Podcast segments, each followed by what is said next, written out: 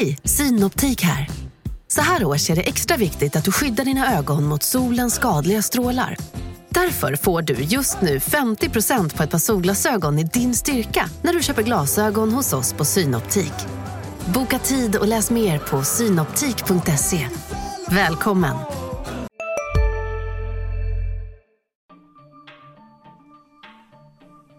I veckans avsnitt av GIF-podden har vi haft trevligt besök i poddstudion igen, den här gången av David Myrestam. Han pratar bland annat om hur han blev inlurad i LCHF av Christian Brink och Nouri Mustafi, om hur Giffarna ska kunna stärka sitt varumärke som stadens lag i Sundsvall, om hur det är att dela hotellrum med Linus Hallenius, om varför han återvände till GIF efter åren i Norge, om att plugga vid sidan av elitidrottskarriären, om att döpa barn efter Elhadji Diouf om vem som kan bjuda Norrlandspubliken på samba. Han pratar också om varför han inte dricker kaffe, om hur han bröt fingret efter att ha sprungit in Erik Larsson, om hur han ibland träffar Balagarba på flygplatsen i Haugesund, om skillnaderna mellan norsk och svensk fotboll och om hur han knackade på Joel Cedergrens dörr och tjatade sig till en startplats. Det här och mycket, mycket mer får ni i veckans avsnitt av GIF-podden med David Myrestam. Håll till godo.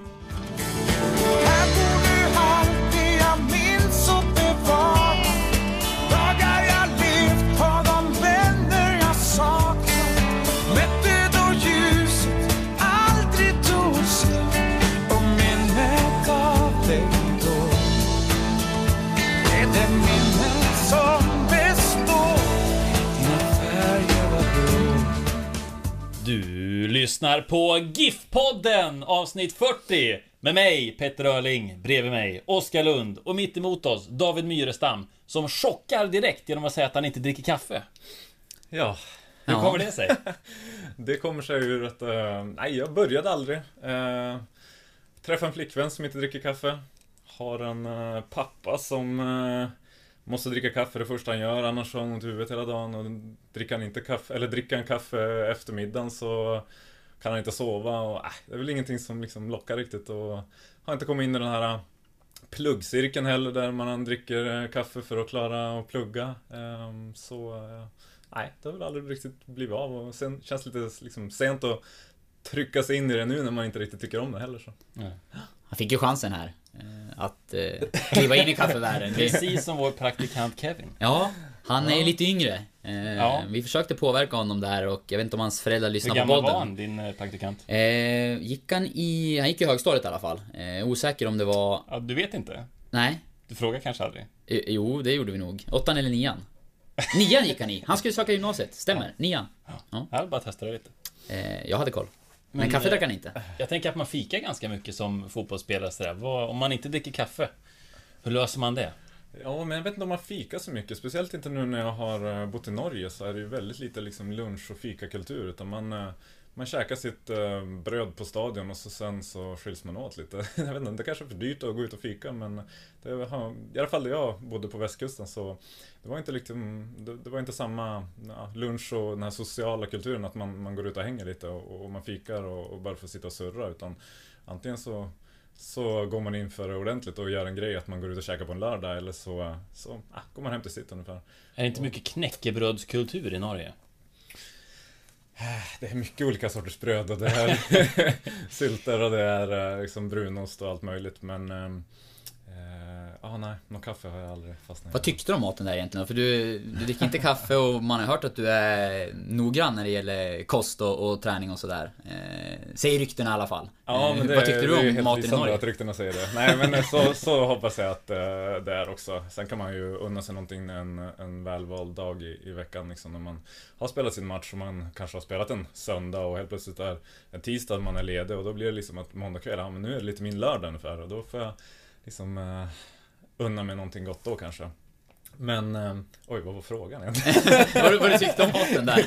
Ja, All jo, nej men precis. Det var väl det jag hade, jag hade försökt eh, förtränga det där kanske. Nej, den eh, maten är jag väl eh, inte helt övertygad om. Det var liksom gammal, det kändes som att det var stor skillnad mellan, säg östlandet Oslo och eh, västlandet Haugesund där jag bodde.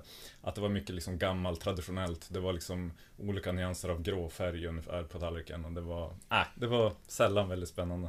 Vem i Giffarna är snabbast på att unna sig då efter match eller så? Jag vet, eh, jag intervjuade ju Joel Cedergren. Det här var ju Eskilstuna. Oj. Då kom han ut med pizza och O'boy.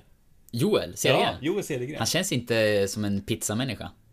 Inte Eller- någon O'boy-människa eller en heller. Pizza och O'boy-människa. Dålig kombo skulle jag vilja påstå. Ja, vem som är först där? Nej, det har jag dålig koll på. Jag tror vi... Kan du bekräfta de uppgifterna? Att det var pizza och O'boy efter... eh, Visst var det Eskilstuna? Var det Eskilstuna vi åt pizza för att sen åka till Alltså för att få i oss någonting snabbt då för att det var, det, det var tajt in på nästa match. Ehm, så åkte vi vidare till hotellet och åt en ordentlig mat. eh, kyckling eller vad det var. Ehm, ja, nej, vi gamlingar vi håller väl oss kanske till en, en glass i, i liksom högst. Men eh, jag tror det knappast lite mer eh, sötsaker längre fram i bussen. Vem packade ner O'boy-pulvret? Det är jag mest nyfiken Ja, på. det, är- det är Mogge varje, till varje match. Det har vi hemma och borta. Så att, Det är O'boy alltså? ja, ja, men. Ja. Dricker du det?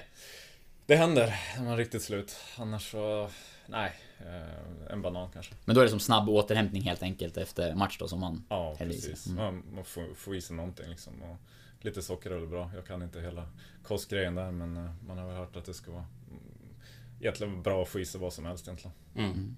När vi står och spelar in här nu så är det 3 oktober. De som eh, lyssnar på GIF-podden vet att det här avsnittet spelar vi in typ 20 minuter efter att vi avslutade förra veckans podd. Eh, alltså, Djurgårdsmatchen 05, ganska färskt i minnet, bara några dagar sedan nu. Vi kan väl börja lite grann där. 05, säsongens största förlust. Vad, vad säger du om den matchen med några dagars avstånd sådär? Ja, med lite avstånd så kan man väl ehm, känna i alla fall att vi eh, vi startade matchen rätt så bra. Eh, Vi har en tidig jättechans med Peter som eh, har bollen i stolpen.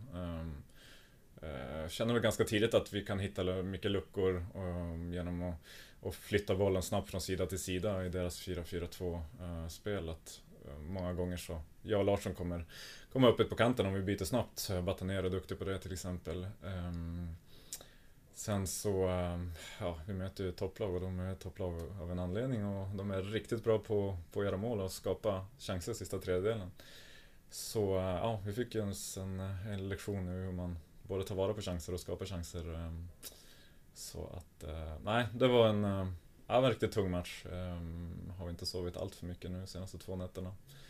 Ehm, Men eh, ja, man har inte tid att gräva ner sig mer än två dagar utan nu vi har, vi har fyra livsviktiga matcher kvar och, och det enda som är viktigt nu är att vi ska greja kontraktet och Mm. hålla oss här.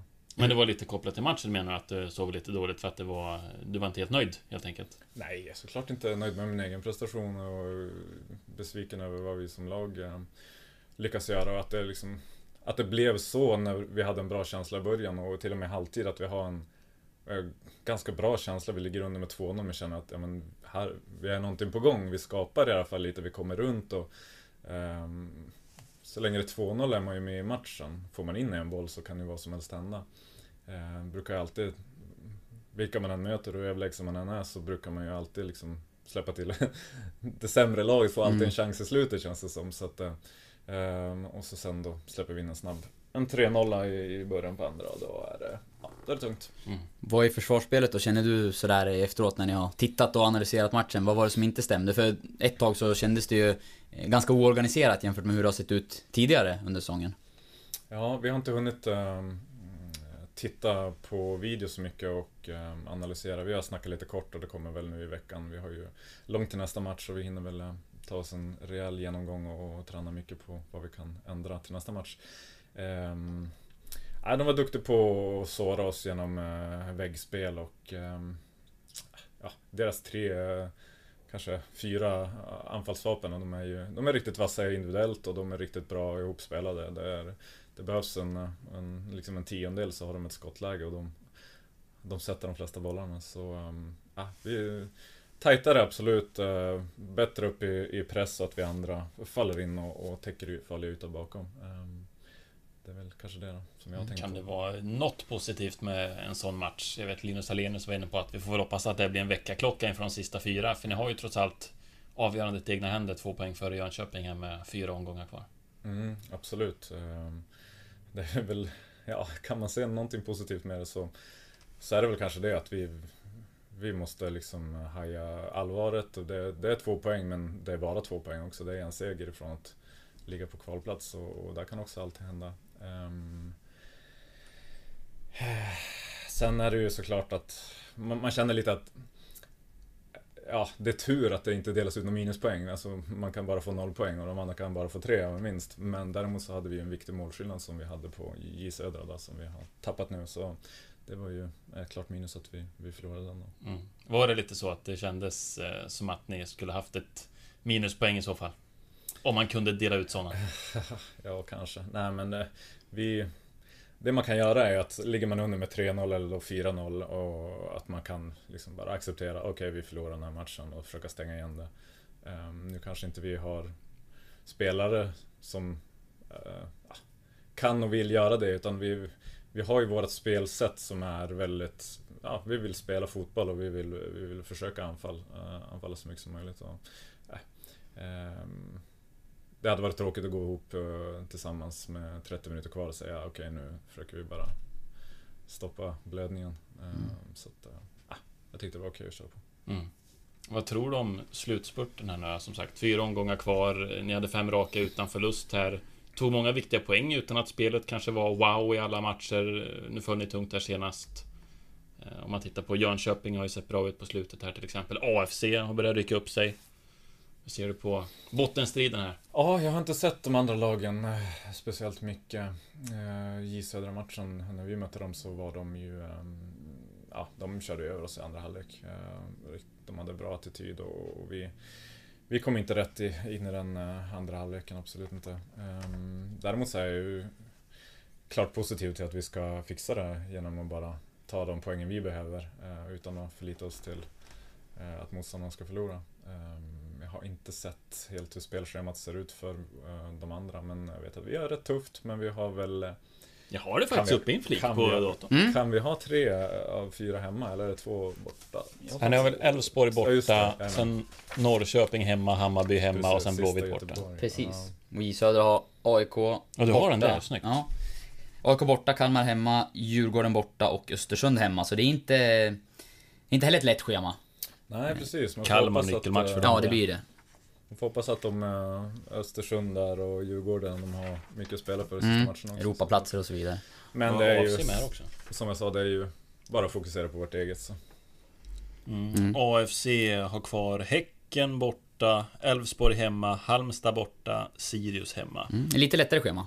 Sirius har ju som sagt sju raka förluster. Halmstad går också tungt, är väl så gott som avhängda så eh, kanske att Eskilstuna kan hoppa upp ett eh, pinnhål till. Mm, bäst schema av de här tre lagen tycker jag i alla fall om man tittar på pappret. Men jag tänkte på, du pratade lite om attityden, att J Södra visade bra eh, attityd mot er. Eh, en diskussion som har funnits och som vi har fått lite lyssnarfrågor om också är ju eh, skillnaden GIF Sundsvall under våren och hösten. Att eh, våra svar är kanske ännu mer tydligt där som du pratade om med bollinnehavet och liksom den vackra fotbollen lite grann och att man eh, i några matcher här på slutet har plockat fram en annan mentalitet och, och eh, kanske spela lite mer rakt och fysiskt och sådär. Upplever du någon eh, taktisk skillnad? Har ni, har ni förändrat någonting på, på det sättet?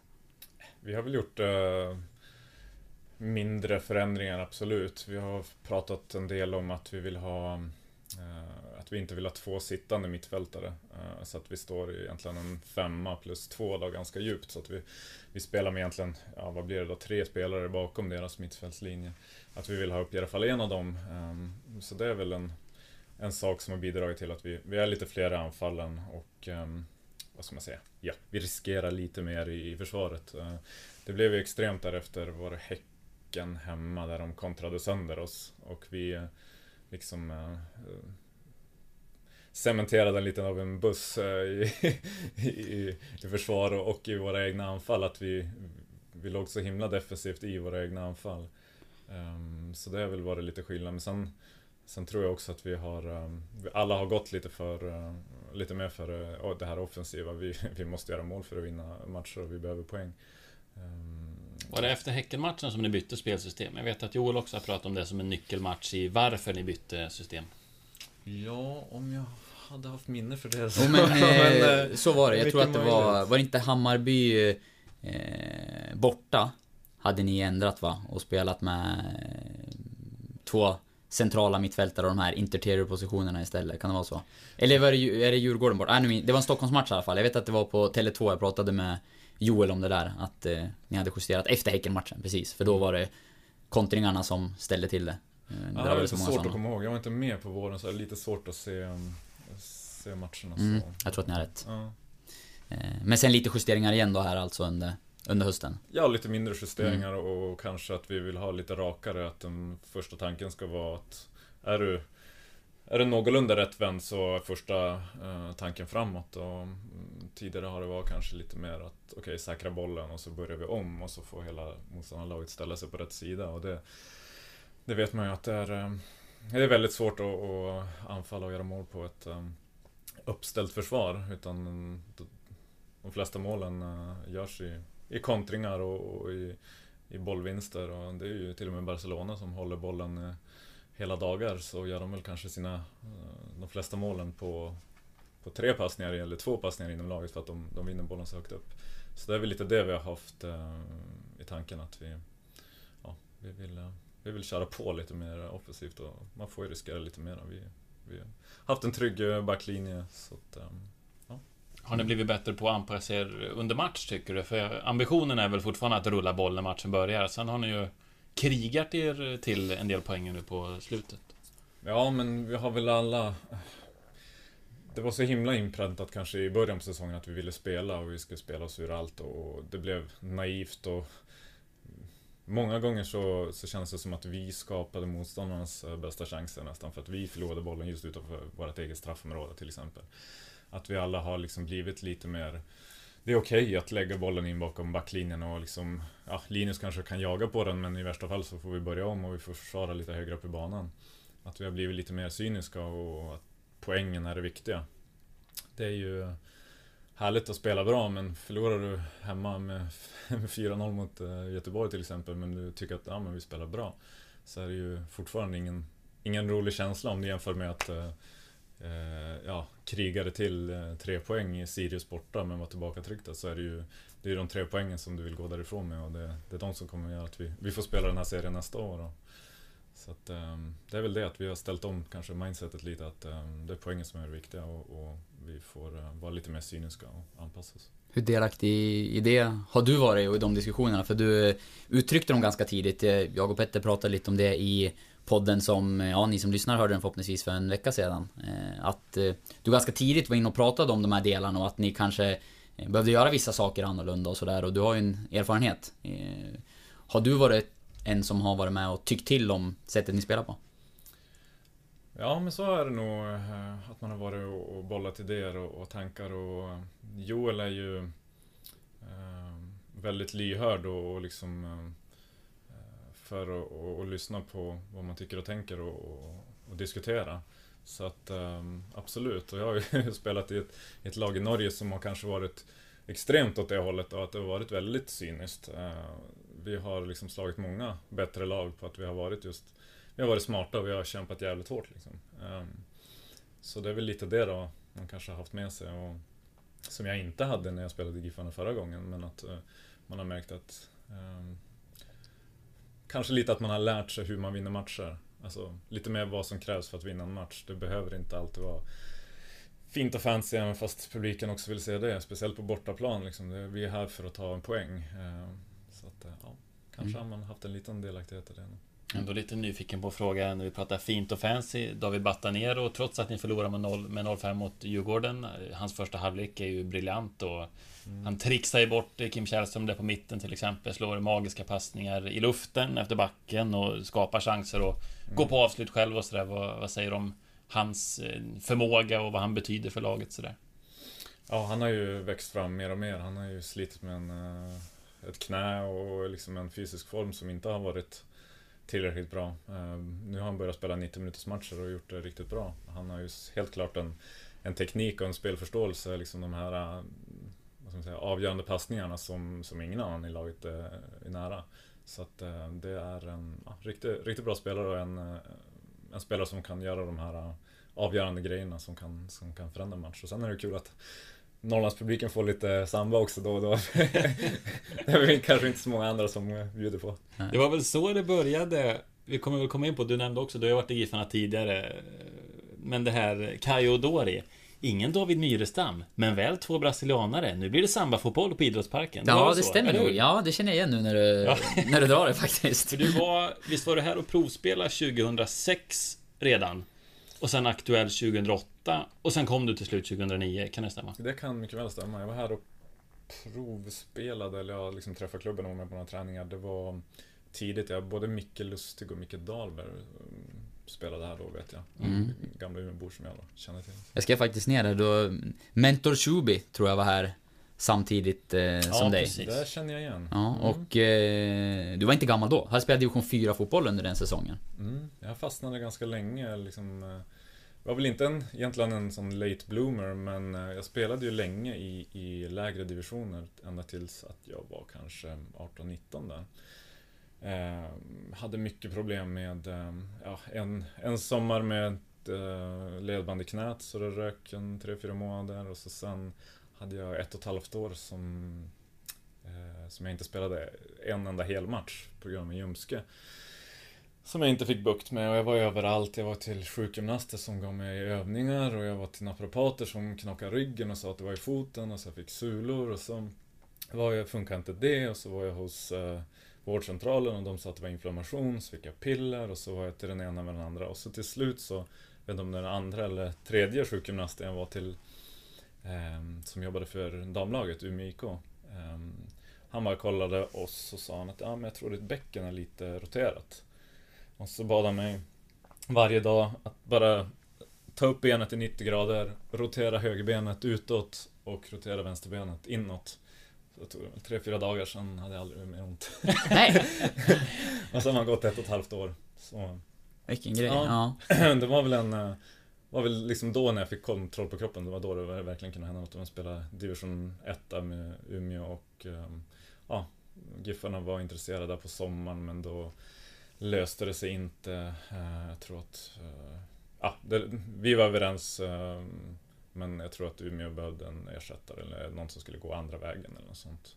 Och det, det, det sket sig. Så att det blev en, en, ett halvår senare då. Eh, januari 2009. Då. De här problemen med- då? Hur? Jag var lite du fick på fingret. Jag ser- Ja, det var ju din senaste skadan. Ja, Ja. den har börjat ta sig nu. Ja. Ja, jag Inget har till och med bandage spelat längre. golfturnering med den här vet du. Men har du bara den när du spelar, bandaget? Ja, den har jag nu en, eh, en skena för att vi har, Mm. läkarna har sagt att det har den nu säsongen ut. Så, eh, men eh, till vardags så försöker jag röra på så mycket som möjligt. Så, en, ah, jävla onödig grej. Ja, vad var det som hände där? Det var på, var på en uppvärmning eller? Ja, uppvärmningen mot Örebro. Jag eh, måste ha sprungit in i inte, Erik Larsson eller Batanera och så. Tänkte att det var en ordentlig stukning bara. eh, Men eh, ja, det var... Kollade på röntgen dagen efter, det kändes inget bra, så var den bruten. Så, ja, så var det. Äh, det måste varit Erik Larsson, han är lite hårdare än Batanera. Ja. Nej, jag tänkte på skadan där.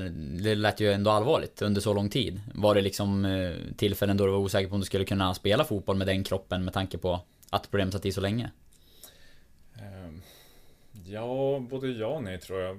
Det var ju så jäkla frustrerande. Man kände att man hade väldigt mycket fotboll i sig men att man inte kunde ta nästa steg för det var ingen som, som ville liksom satsa på någon som ja, spelade 45 minuter, sen fick för ont, vilade två veckor.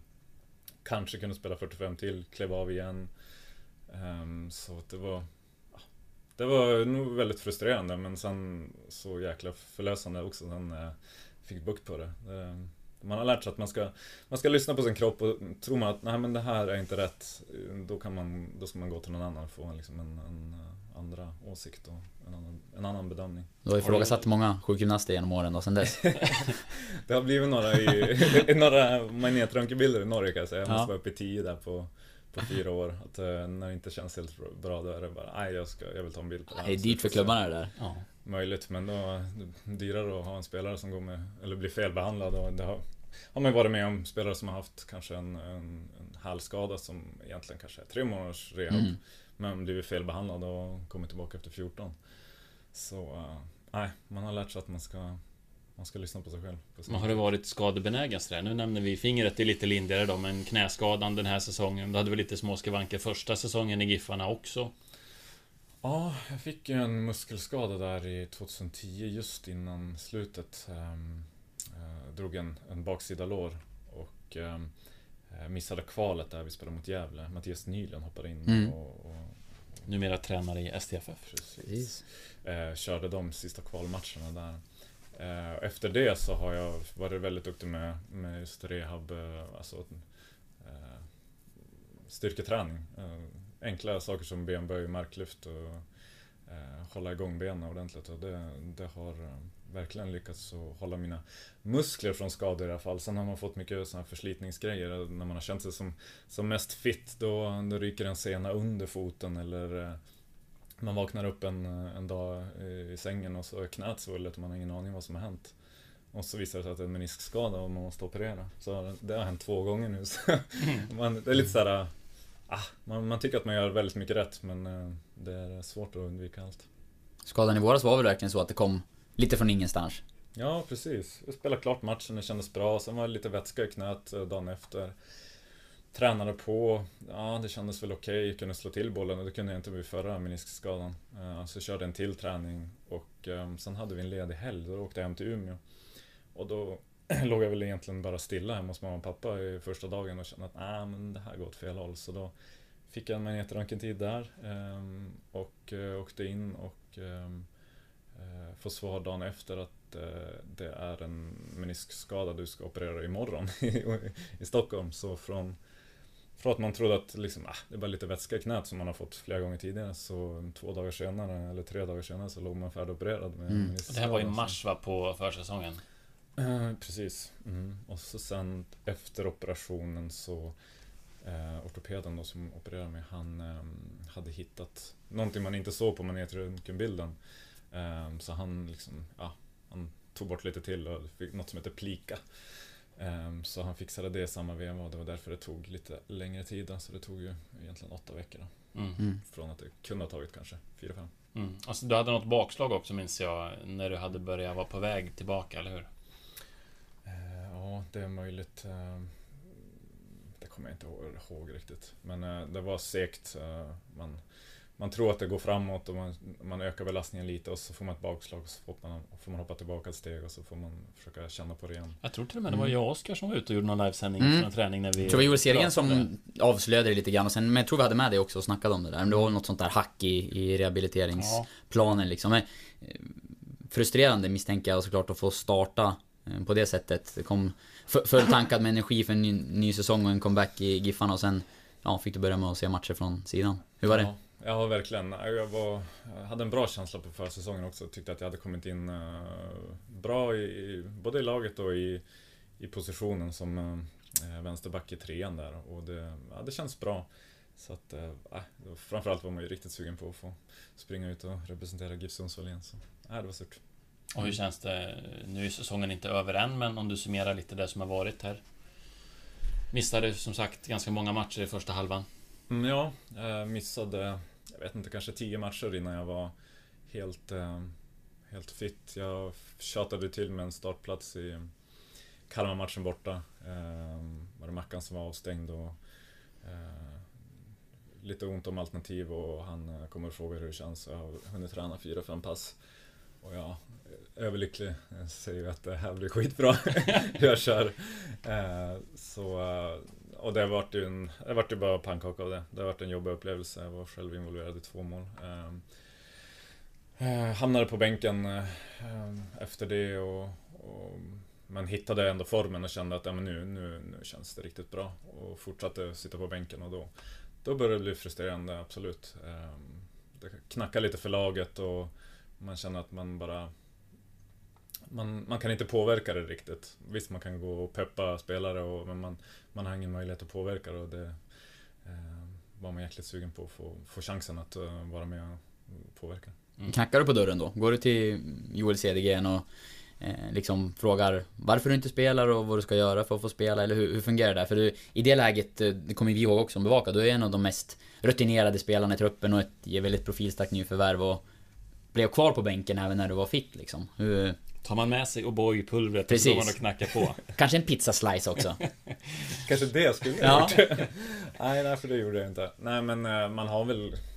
Eh, det är väl upp till var och en och sådär. Joel är ganska bra på att, att prata med, komma och prata med spelare hur det känns och sådär. Så att vi hade väl en, ett, ja, en kortare snack egentligen varje vecka kanske. Att, eh, hur jag kände mig och, och vad han tyckte och tänkte. Och det är klart att jag går till han och frågar att eh, ja, men vad, jag känner mig riktigt bra och känns bra på träningen. Och vad, vad är det du tycker att jag ska göra bättre för att jag ska få chansen att spela också? Um, så att, men till slut så, så fick jag chansen sen och um, känner väl att jag har eh, ja, jag har växt in i det. Det är klart att man inte har den fysiska formen om man inte har spelat match på ett halvår nästan. Men så um, känns det som att jag, jag hittar bra, hittat liksom in i det fysiskt nu och fortfarande jäkligt sugen på att spela. Det känns eh, tråkigt att det bara är fyra matcher kvar. Att du har hoppat mellan, eh, användas både som Mm. mittback och ute som vänster wingback sådär. Spelar det någon roll för dig eller eh, något du föredrar mer än det andra? Nej, det spelar egentligen ingen roll. Det är väl egentligen två ganska nya positioner båda två. Det är egentligen en, en vänsterback i en, i en fyrbackslinje. Då. Men eh, nej, jag är glad att spela och känner att jag kan bidra på båda positionerna. Det, det, de är väldigt olika, men eh, nej, de är, det är roligt på, bo- på båda sätten. Så det, Men blir det ändå någonting att man tänker, för det är ju en långsiktig värvning också sådär och att man Nu blev den här säsongen som det blev på grund av skador och olika anledningar eh, Har du ändå i ditt huvud att, ja men på sikt eh, under den här GIF-sessionen, då är jag ändå Eh, en vänsterback i trebackslinjen eller jag är en wingback liksom? Eller tänker man inte så alls? Jag har inte tänkt på det så, men det är klart att jag, jag blir äldre och äldre och trögare och trögare kanske. Ju äldre jag blir och ju fler operationer jag gör. Nej, men, eh, mm, så är det väl kanske egentligen en, en, i mittbacksrollen jag känner att där, där kan jag leverera många år till. Um, ytterbacken eh, är, är väldigt kul och, och, men det är ju helt klart en väldigt påfrestande position att spela på också om man ska Mm. högst upp i, i anfallen och längst ner i, i försvar så det är en stor skillnad. Du nämnde ju tiden i Norge här lite grann. Eh, Vi har ju pratat om Balagarba i den här eh, podden innan. Du Ja. spelade ju i Haugesund. Jajamän. Eh, liksom han. Han är stor där. Känner du, eller känner till honom gör du förstås, men känner du honom? Jag träffar honom på flygplatsen varje gång Ja, gör du det? bortamatcher. Jajamän. Eh, Morsan är då, känner ni igen varandra sådär? Ja, och han morsar ju på hela laget, så när man kommer med klubbdräkten så, så är det klart att man... Nej, han är en, det är riktigt skojare. Han var... Nej, han, liksom en, man känner att det var positiv energi runt honom. Han var... Det var härligt att träffa honom. Ja. Pratar ni om Giffarna då? Blev det så? Nej, jag tror att det där blev känt för mig lite för sent. Jag tror inte jag har, hade liksom Giffarnas historia så bra så att jag kunde förhöra honom på det. Utan det blev, nej, det blev det vanliga bara, vanliga surret.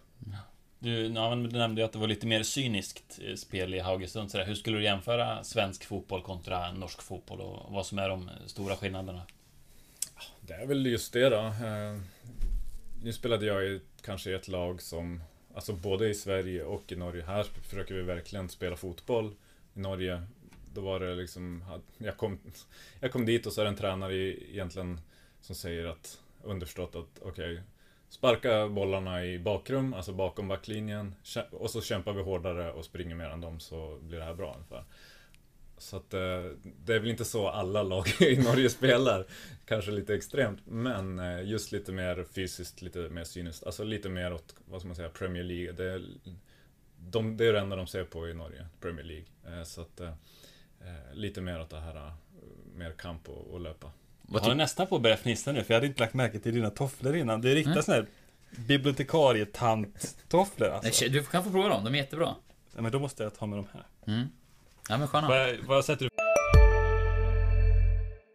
Var du än är och vad du än gör så kan din dag alldeles strax bli lite hetare. För nu är Spicy Chicken McNuggets äntligen tillbaka på McDonalds. En riktigt het comeback för alla som har längtat. Välkomna sommaren med att... Res med Stena Line i sommar och gör det mesta av din semester. Ta bilen till Danmark, Tyskland, Lettland, Polen och resten av Europa. Se alla våra destinationer och boka nu på stenaline.se.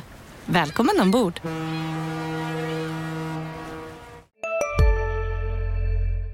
för betyg på de här på en skala 1 till 5 David? Ja, ur skön, skönhetssynpunkt vet jag inte, men... De är ju vackra, det är de ju. Ja. Nej, de ser mysiga. Jag känner att jag kom av mig när jag liksom tittade ner, var tvungen att titta Jag, ner. är, jag vill inte hamna i, det här, i den här härlproblematiken som David drogs med som ung, så att jag jobbar i förebyggande syfte. Dina skor däremot, eh, ja de de, är hade ju... jag haft ont i. Ja, de är ju snygga en kväll på stan men... I poddstudion så får du inga pluspoäng för dem. Nej, jag vet. Så är det. Vad- hur trivdes du i Norge då? Vad- du gick 2012, lämnade på sommaren, skrev på och sen kom augusti. klubbarna överens. Mm. Eh, ja, jag kom dit och han spelade tror jag tio matcher.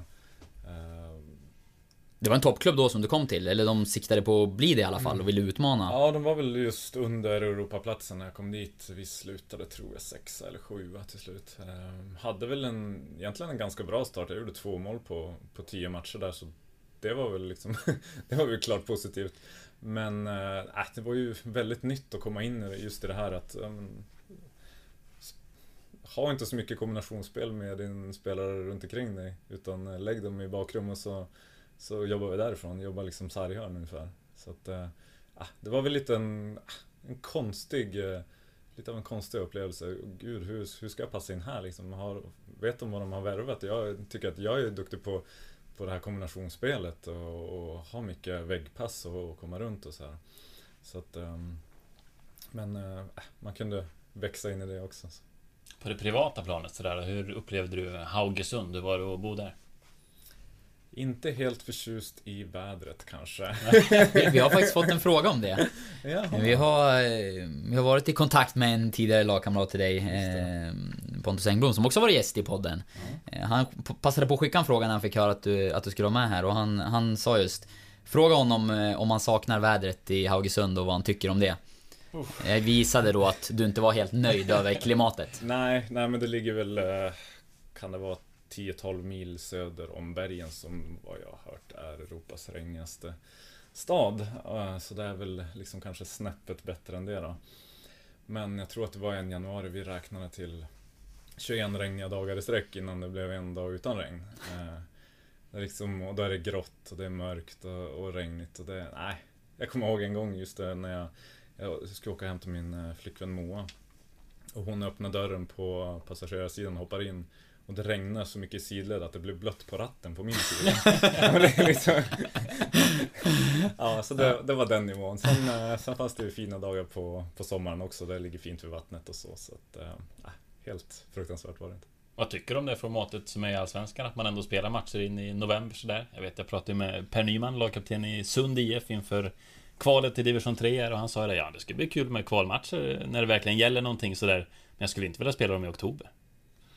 Nej. Nej, det... Jag kan... Alltså som norrlänning så har man väl inte... Man har växt upp med att det här spelar vi i ur och skur och det kan Ja, gärna du är vara... luttrad. Det kan gärna vara 10 minus så det är inga konstigheter. Eh, Jag tror att de här eh, söderlagen inte gillar det lika mycket. Jag själv i Norge åkt och spelat mot Tromsö som ligger ovanför Sveriges gränser liksom, och eh, gjort det i oktober, slutet på oktober och det är bara eh, liksom snövallar runt hela planen. Eh, det, då är det inte lika sexigt att spela fotboll kanske men eh, nej, inget, inget att bry sig om tycker jag. Ska vi, när vi ändå nämnde den här frågan från eh, Pontus Engblom, så har vi en fråga från en annan GIF-spelare. Stafettfrågan, vår senaste gäst, eh, Linus Hallenius, som vi har varit i kontakt med idag. Mm, han fick kort betänketid, men han levererade den frågan då. Det eh, får vi berömma honom för. Vi är nyfikna här. Ja, frågan är ju då alltså, fungerar allt bra med din rumskompis på bortamatcherna? Vi har spekulerat lite nu, är det så att det är Linus som är rumskompisen? Du hänger väl lite grann med Tommy Naurin och Lars Gerson också, kanske kan vara någon av dem. Lars är ju en liten prankster så där har ju mycket hyss för sig. Jag tänker att det kan vara något sånt. Jag bor ihop med Linus ja. Mm. Precis. Uh, jo men det funkar lysande. Han är ju... um, han är ju lite speciell, Nej men han är ju en, precis som på lite, lite på fotbollsplanen och så han, kör, han kör sitt eget race och han vet vad han vill och det är liksom inga konstigheter att han frågar mig när jag har ställt eh, klockan och jag säger ja, kvart i nio så går vi upp och käkar frukost där eh, klockan nio. Och så vaknar man att hans klocka ringer 25 över åtta och han myser på lite och går iväg själv. Så jag, så, Han lämnar dig där. Ja men det är liksom, han kör lite sitt eget race. Så. Då vill han bara veta när du ställer klockan så att han kan gå upp lite Ja, tidigare. så han får lite egen tid. Ja. Nej men det, är- han är härlig Linus så eh, vi har det bra på rummet. Mm. Vi hade ju han i podden här förra gången då alltså och eh, det blev ett långt snack. Eh, vi har pratat lite grann om, men båda ni är i gruppen, att ni båda känns som, som ledare i det här laget eh, på olika sätt. Hur, hur skulle du beskriva honom? Som eh, karaktär i laget? Oh, eh, riktigt bra. eh, attityd eh, som varje dag ger 100% och som varje dag kräver eh, 100% av eh, spelarna runt omkring sig också. Eh, Jag tycker han är duktig på att ehm, eh, prata med de yngre. Ehm, framförallt de i, i offensiva positioner som spelar runt honom. Ehm, Småsnacka med dem vad, vad han eh, själv vill ha ut av dem, alltså i, när de spelar tillsammans och, och vad de kan tänka på i, i positioner när de kanske till och med spelar på samma position. Så uh, nej, en riktigt, um, riktigt bra kille att ha i laget. Hur är det för egen del då? Du känns ju också som en ledarfigur. Eh, gamlingarna sa du förut, men en av de mer rutinerade får man väl då säga i alla fall. Eh, liksom, vad tar du för plats i omklädningsrum och sådär? Det är också lite speciellt. Eh, Linus var inne på det att han vill ju vänta lite tills han kände att han hittar sin plats i laget för att han nyss har kommit tillbaka. Kände du lite samma sak innan du vågade gå in och peta i det ena och andra och sådär?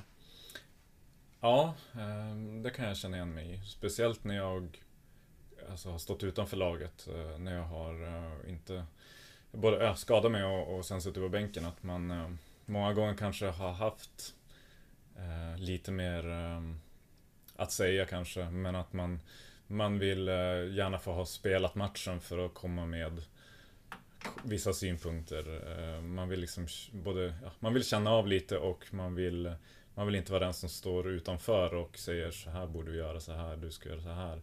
Utan att eh, det är mycket lättare att ta, den, ta sådana diskussioner när man själv har varit på plan och man kan gå till sig själv och säga jag, jag, jag själv upplever det så här, jag skulle kunna ha gjort så här och du skulle, ja. Ehm, så, så lite så har det väl varit. Sen är ju jag kanske mer, alltså, i alla fall hur jag själv ser mig själv, eh, eh, en ledare i så, eh, i den mån liksom att jag eh, är mer verbal och, och, och kör på träning och, och eh, än att jag är den som går runt och, och snackar högst i omklädningsrummet. Eh, det har jag nog aldrig varit.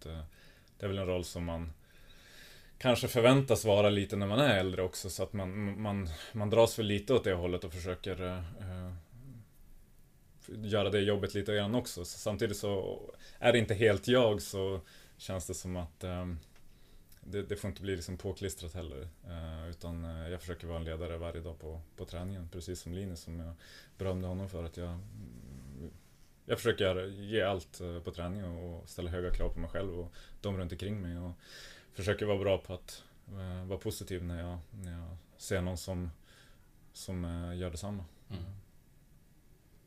Jag är lite nyfiken på, um, inför comebacken här när du kom då som en av de här rutinerade och tilltänkta ledarna och sådär.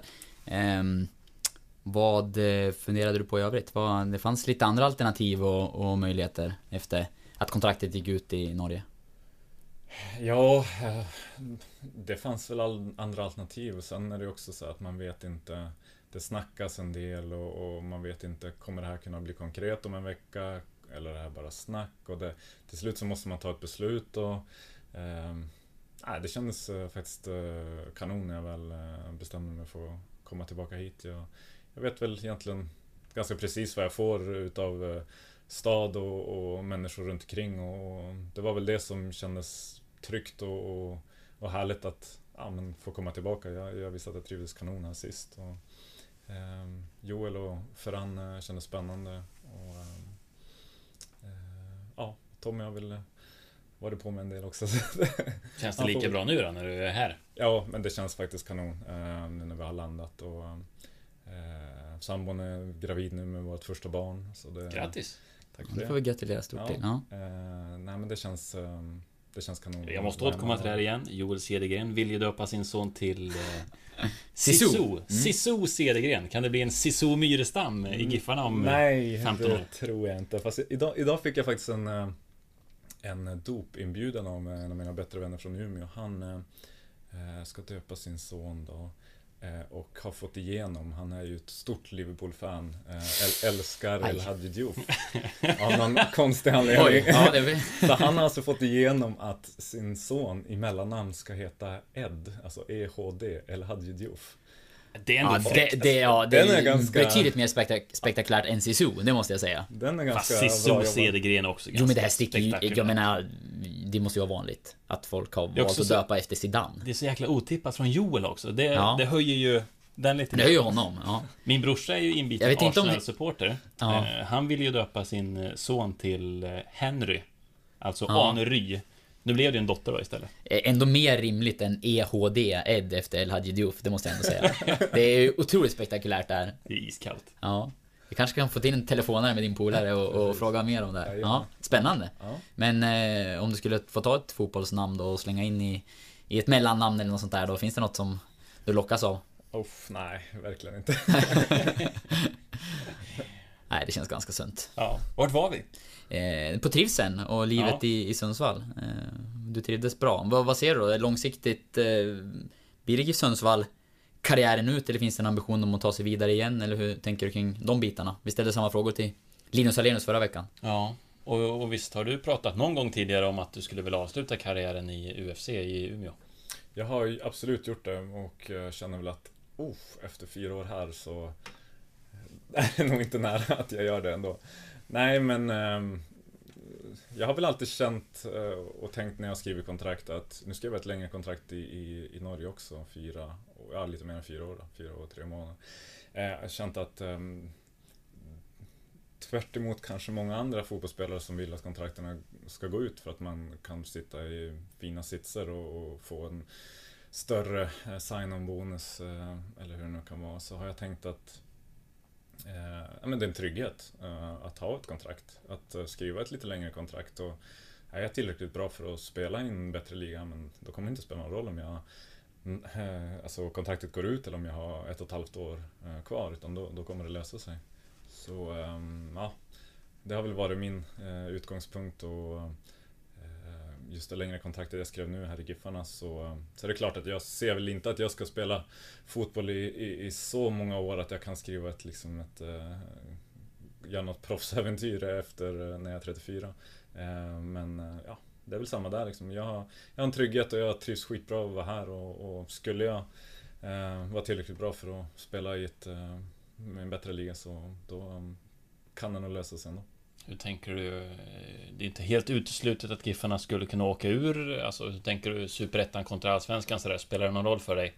Eller är det Giffarna som gäller även om de skulle åka ur? Uff, jag har inte tänkt en sekund på det, men eh, självklart så eh, skulle väl första känslan vara att, eh, att eh, liksom reparera skadan man själv har varit med och, och ställt till med. Eh, Giffarna ska vara i, i Allsvenskan och, och det skulle kännas eh, riktigt tungt att åka ur och, och ännu konstigare och i så fall lämna. Sen vet man inte allt som som eh, kanske är eh, rätt vad det är så kommer ett eh, kanonerbjudande, vem vet? Nej men eh, det är mycket som ska stämma och, och vi har landat jättefint här i, i stan och det, det ska nog väldigt mycket till att, för att jag ska eh, lämna Giffarna och, och speciellt om vi åker ur. Det har jag väl knappast presterat tillräckligt bra för att eh, komma med så mycket längre heller. På tal om framtiden sådär, du, eh, du är väl en av de här som har tänkt på en karriär efter fotbollen? Eh, och håller väl på då och pluggar till systemvetare. Vi har pratat om Erik Larsson och Marcus Danielsson tidigare. Som pluggar ekonomi, är väl inte helt färdiga än heller. Det kanske du har bättre koll på. Eh, men, och det nämnde vi i podden som vi spelade in här då för en timme sedan. Någonting när vi pratade om att du skulle komma hit. Att jag tycker i alla fall att det är ruggigt imponerande med spelare som inte bara fikar och spelar Xbox liksom, utan att de tänker på karriären efter. Det känns som att ni har mycket tid, eh, att det finns tid att plugga om man vill det. Ja men exakt, det måste vara därför jag inte är någon kaffedrickare, för att jag gör andra saker. Nej men, eh, ja, och Mackan och, eh, och Erik har ju, de är, väl, de är snart klara. De har snackat om att de är ett eller två stavfel ifrån att få den här examen, det har de gjort nu i, i många månader, så vi får se hur det är med det. Det är svårt där med stavningen kanske. Precis. Nej, men de är nog alldeles strax klara. Det är riktigt strångt gjort. Jag är lite mer än halvvägs med min systemvetarutbildning. Det är ju eh, ibland lite svårt att få, få till. Eh, det ska passa med tentor och det ska hinna spela fotboll och göra det hundraprocentigt professionellt också. Så att eh, ehm, pluggar väl i någorlunda 50% och betar av kurser så gott det går. Ibland passar det inte med tentamen och då får man skjuta upp det och så kanske man kan göra det tio veckor senare eller ännu värre så får man vänta ett halvår på, att beta av det men eh, eh, en och en så, så gör man bort dem och, och närmar sig eh, examen och har väl ingen stress egentligen utan eh, se till att göra det bra och vara redo när jag, när jag väl ska sluta spela fotboll. Vad gör en systemvetare? Jag vet inte. Nej, jag vet inte heller. Nej, men det, det, är, det är väl väldigt brett då. Det är ju, det är ju data IT. Du eh, sysslar väl kanske eh, oftast med någon slags systemutveckling. Eh, utveckla system. Ja. Du Mm. kan vara programmerare eller du kan vara, säg att du kan vara en projektledare som eh, drar i trådar mellan en eh, kund som vill beställa något och en kodknäckare som eh, bara kan snacka eh, svåraste kodspråket så kanske du ska vara en mellanhand som eh, kan prata med båda och förstå vad kunden vill ha och vad det här Hur är du liksom tekniskt lagd eller är du mer åt Ja, men jag väl alltid- kundrelation-hållet? Eller? Jag har väl alltid varit tekniskt intresserad men sen inser man ju att eh, har man inte programmerat sedan man är liksom 12 år, 8 timmar om dagen på kvällarna och byggt sina egna program så, så kommer man nog, jag, jag tror inte jag som 35-åring kommer liksom slå igenom som någon värsting eh, programmerare utan det, eh, det, det kommer nog knackas lite mindre kod. Eh, jag ser väl mig själv gärna som en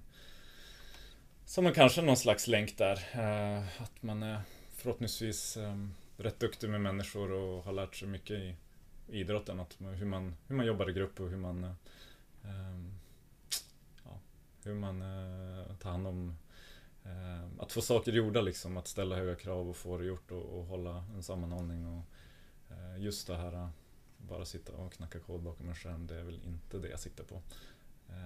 Utan, ja, Hur har det funkat då? Pluggat och, plugga och spela liksom elitfotboll samtidigt? Tycker du att det har varit hanterbart och skulle du uppmuntra fler lagkamrater och så att göra det?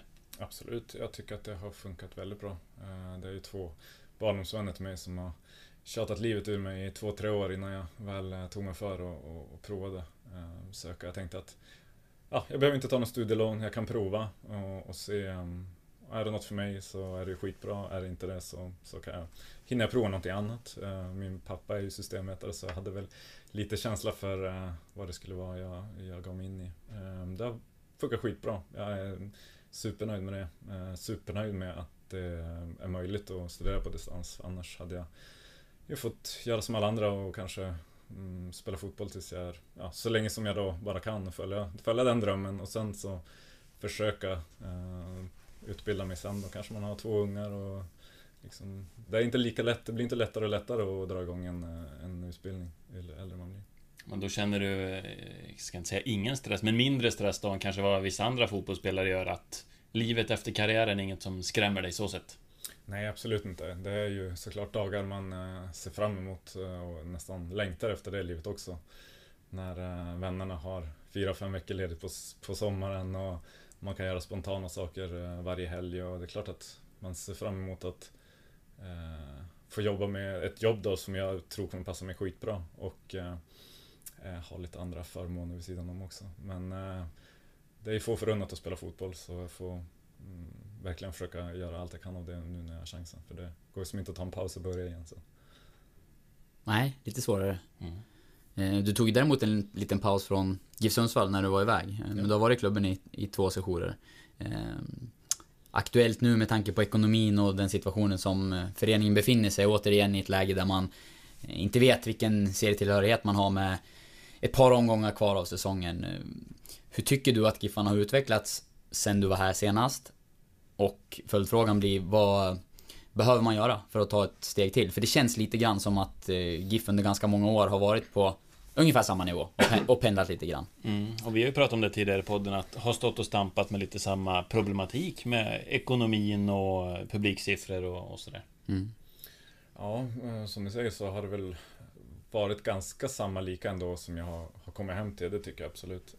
Vad jag tycker att vi ska eh, bli bättre och där vi har stor förbättringsområde det är ju alltså att bli, bli liksom stadens folkets lag. Att vi ska bli mer folkliga. Det var, det var en sån sak som jag verkligen kan mm, ta med mig från Norge. Att det, var, det var en mindre stad men eh, det, liksom, det flaggades överallt när det var matchdag. Det var inte ett hus liksom som inte hade en Haugesundsflagga när det var matchdag. Och det var fint att gå runt i en eh, uh, Haugesunds halsduk liksom. Och just det där att ehm, ja, ehm, komma ut, träffa mycket, mycket yngre folk och, och synas i, i bra sammanhang och liksom kunna få staden mer bakom sig. Att det, det är liksom fint att vara supporter och det är fint att gå på match och, och, och att eh, man är stolt över sitt lag och, och det är härligt att gå och se laget eh, kämpa för kämpa för staden som vi alla bor i. Varför tror du att det är skillnad? För jag har också varit på fotboll i Norge och upplevt just samma sak att eh, eh det var flaggor på,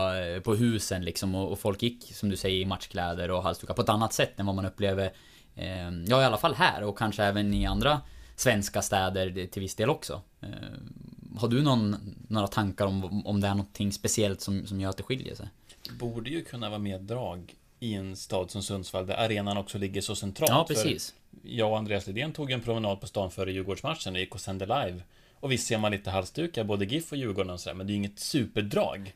Det var väl utanför O'Learys det var lite folk då. Mm.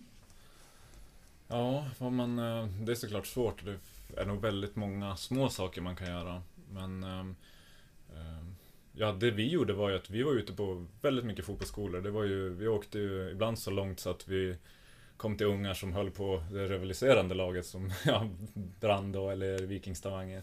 Eh, men vi var ute väldigt mycket det var, väl, alltså det, var, det var ju väldigt mycket familjer som eh, tror jag gick på matcher. Vi var ute på mycket fotbollsskolor. Vi hade eh, familjedagar, smälla upp en eh, hoppborg och speedshooting och så fick man ta lite kort. Och, men vi, vi var ute och syntes mycket. Ehm, Var det, det var en tydlig skillnad mot här upplever du? Att man gjorde mer? Ja, men alltså att vi var ute mer, det, det tror jag absolut. Um, små saker som att vi alltid gick och tackade, ehm, ja, vad ska man säga, ungdomsklacken. eh, Så, uh, små barn som stod och hade sin egen klack och de som är eh, handikappade eller vi liksom gick ett halvt varv runt planen eh, varje gång vi vann eller gjorde en bra match och um, klappade om dem och ja, det är väl sådana små saker som gör att man eller eh, staden kände sig liksom stolt över laget. Mm. Ja, jätteintressanta funderingar tycker jag, för det här är ju ett ämne som vi pratar om ofta och vad man kan göra och eh, återigen hamna i samma eh, King Linus Alenius nämnde också de här grejerna just att vara ute och att han kunde tänka sig att vara ute och rekrytera eh, folk mer eller mindre. Eh, känns som det är intressanta funderingar. Och, SMS från Emil Forsberg säger jag. ja, vi har ju sökt honom och att vi ska eh, försöka prata med honom här under eftermiddagen. Jag hoppas det. Vi har ju också fått in en eh, inhoppare på eh, Sundsvalls Mm, Tidning som heter- som heter Emil Forsberg. Ja. Så det kan vara så att det dyker upp lite artiklar om På sporten. Skrivna från- av Emil Forsberg. Emil Ja, Forsberg. och då är det alltså inte- inte den Emil Han Forsberg. frilansar inte åt oss, tyvärr. Första dagen han var här, då efter lunchen, då köpte han en Red Bull. Det tyckte jag var kul. Det var lite kul. Ja, Absolut. Men, men jag har faktiskt en fundering just på det här med publiken också som jag, jag tänkte ta, dra den i början men jag glömde bort det. Eller förra podden som du och jag spelade in alldeles innan den här. Eh, Jag satt ju inte på pressläktaren senast utan på motsatt sida och eh, Någonting som jag reflekterade över var hur dåligt ljudet var. Eh, Jag hörde knappt spiken när jag satt där. Eh, Och det är väl också en sån där detalj som kanske får höja arenaupplevelsen eh, Som är viktig för publiken att det, att det fungerar på ett bra sätt. Eh, Det gjorde det inte. nej. Ja, det är sant att jag nog inte sett en enda match på Idrottsparken. Jo, någon i början av säsongen förresten. Eh, Men då satt jag också på samma sida. Annars sitter vi på pressläktaren alltid eh, på samma plats och får liksom samma upplevelse. Mm. Det var, men på så intressant. sätt måste det ha varit intressant för mig. Ja, däremot ett, en tumme upp åt insläppet, det nya. Eh, Jag tycker man fick en, en skön känsla när man gick in där och det var lite souvenirförsäljning och, och man kunde handla fika och, och mat och sådär. Eh, Det tycker jag var ett lyft jämfört med hur det har sett ut tidigare. Mm. Eh, Det var faktiskt första gången som, jag har ju sett det såklart och varit där, men inte i samband med match då. Eh, Och det tror jag var ett steg i rätt riktning. Just det här att om man vill bli folkets lag och att publiken ska ha matchtröja, halsduk, keps, mössa. Så måste det ju finnas att köpa i samband med, med matcher och sådär och att man promotar det på ett bättre sätt. Så det tror jag var bra. Urban Hagblom vet nog vart man köper halsduk. Han Ja, har ju, i, han- spelar ingen roll om det är 25 grader i juli så har han alltid sin halsduk. Ja, Robert Lundström hade GIF-halsduk på sig i alla fall. Ja. Eh, Ex-GIFaren som var på besök. Men vad säger du annars om det här, eh, liksom de ekonomiska problemen utan att gå in i detalj på dem? Men hur har ni påverkats av allt som har varit? Det var ändå, klubben var ju ute och hade krismöte. Tommy var ju med och representerade spelarna och sen gick ju näringslivet in och lånade ut de här fem miljonerna som behövdes. Påverkas man som spelare av det åt något håll eller försöker man bara fokusera på fotbollen eller? Jag, jag tänker mig att man inte är helt oberörd ändå.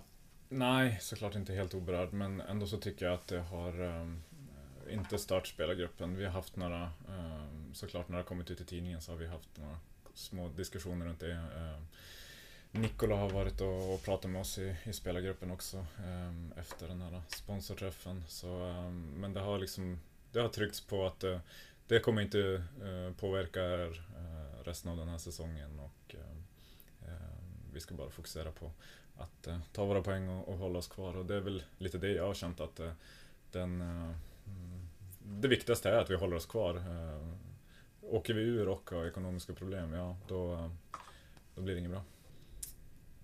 Nej, viktiga matcher som återstår.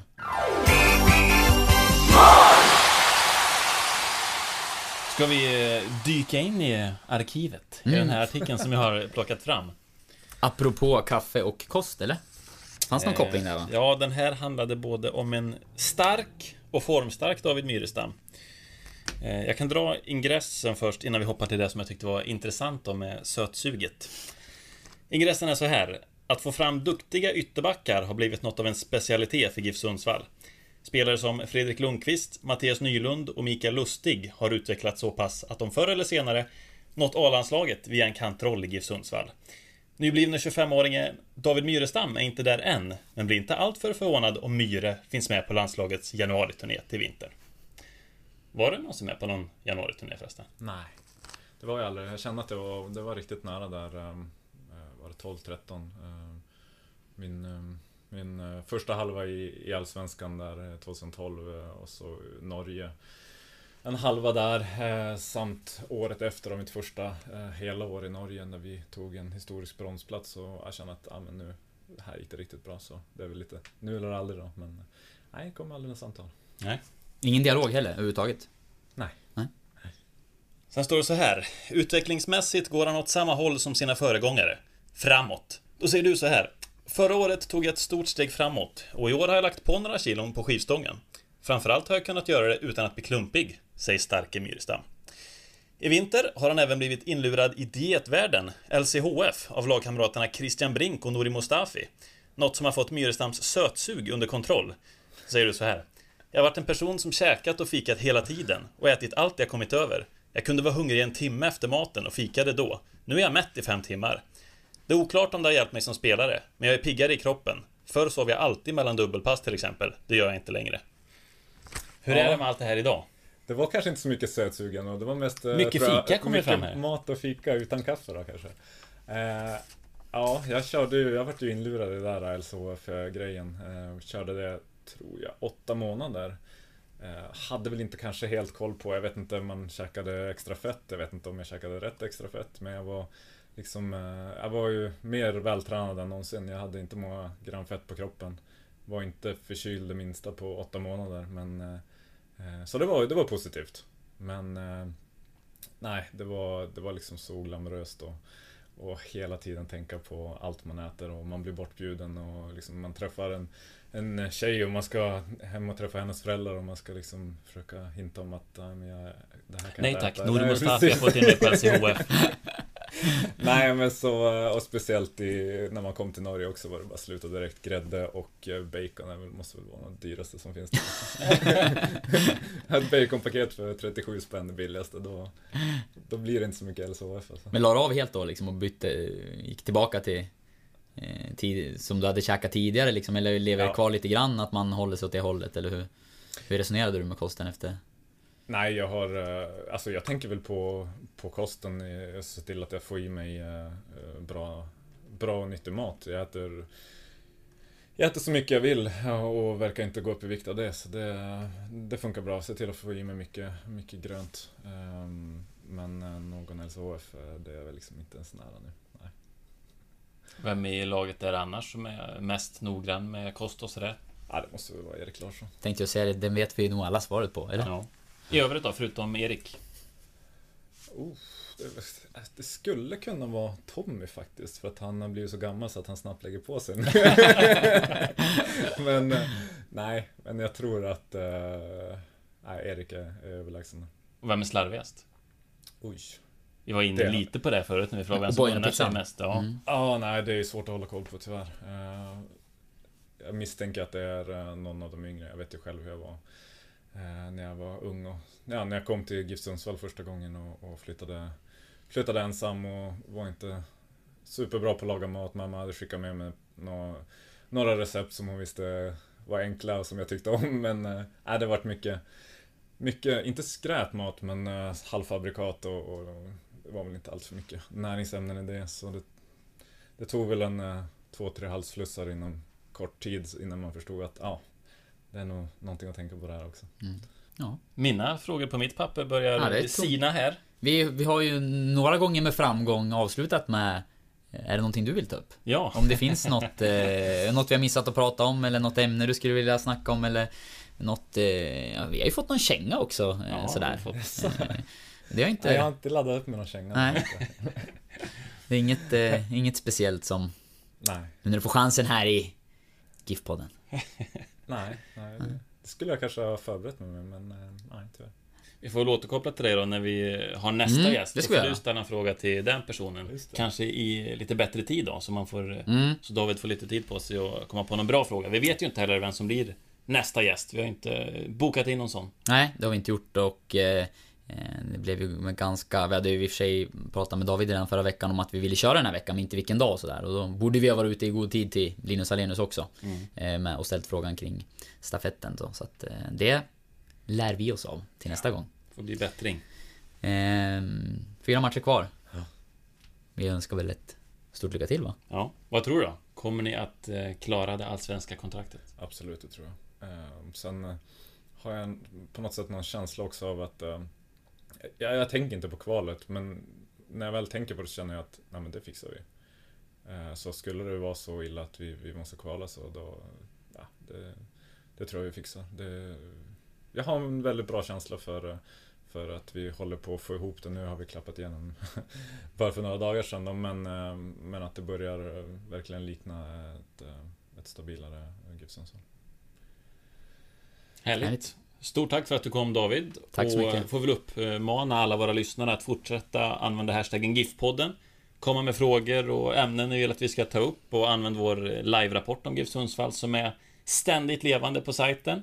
Mm, gärna förslag på eh, ytterligare gäster då, för Ja, precis. Vi ska snart ha en till. Jag vet att Carlos Moros Gracia och Ferran Sibila har ju varit efterlysta. mm, då blir det engelska varianter. Det blir en utmaning. Ja, därför drar jag mig lite från att göra Mm, samma här. Då måste man eh, ladda upp med att skriva ner frågorna så att man inte visar hur dålig man är på engelska. Om inte annars kan man alltid spela upp ett klipp från en film som svar. Det gjorde du sist. Ja. Stort tack David eh, och eh, tack Oskar. Tack själv. Och tack till mig själv. Tack så mycket. Hej! Hej!